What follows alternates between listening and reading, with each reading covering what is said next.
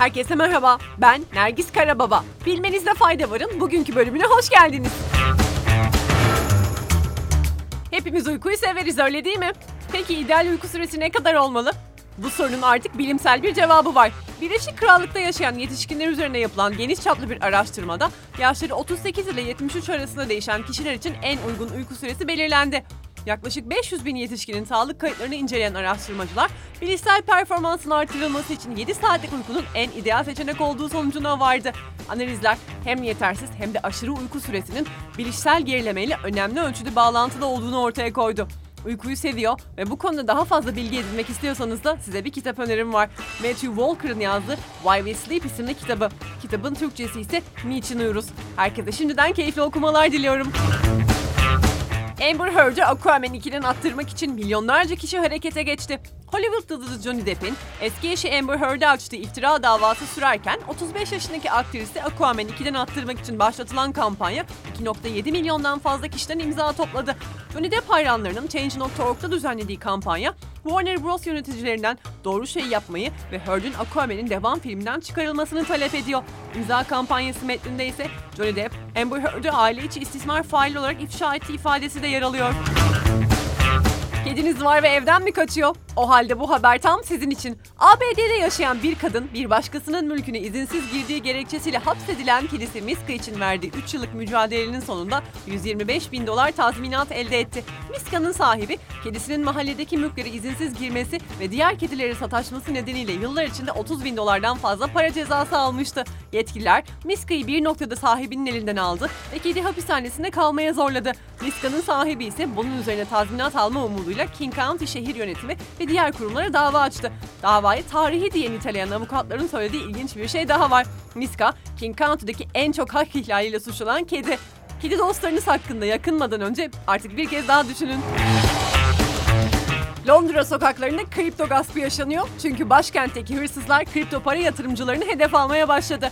Guardian'ın haberine göre suçlular bu kişilerin telefonunu zorla ele geçirerek kripto paraları kendi cüzdanlarına aktarıyor. Birleşik Krallık Ulusal Emniyet Müdürleri Konseyi'nde kripto para birimi ekibi lideri olan Philip Harris, polis memurlarının kripto para suçları ile ilgili daha fazla eğitim verildiğini açıkladı. Harris, ayrıca kripto para hesabına erişirken dikkatli olunması gerektiğine dair halka uyarmanın yollarını aradıklarını da belirtti ve şöyle söyledi. Elinizde 50 sterlin banknotları sayarak sokakta yürüyemezsiniz. Bu kripto paraya sahip kişiler için de geçerli. Bugün önemli bir gün. Çünkü bilim insanları galaksimizdeki çığır açıcı keşfi duyurmak için bugün gizemli bir etkinlik düzenliyor. ESO Avrupa Güney Gözlem Evi'nden ve Event Horizon Olay Ufku Teleskobu projesinden gökbilimciler 28 Nisan'da bir duyuru yapmışlardı ve teleskop projesiyle edinilen Samanyolu ile ilgili çığır açıcı sonuçları ilan edecekleri bir etkinlik için merak uyandırmışlardı. ESO'nun Almanya'daki merkez binasında bugün Türkiye yerel saatiyle 16'da yüz yüze gerçekleştirilecek bu etkinlik Gözlem Evi'nin internet sitesinden ve YouTube kanalından da yayınlanacak.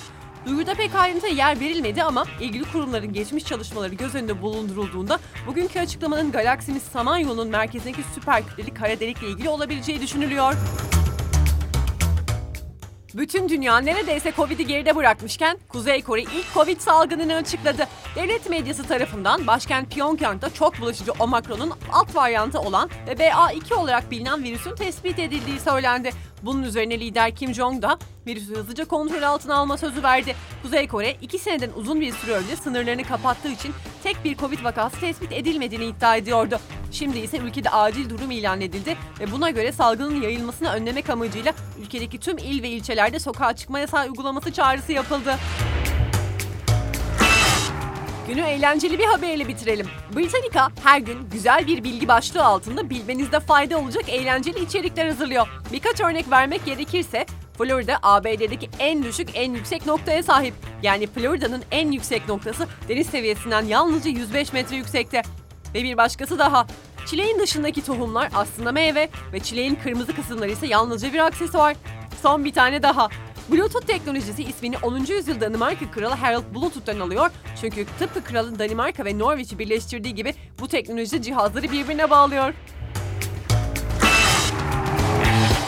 Bugünlük bu kadar. Yarın görüşmek üzere. Hoşçakalın.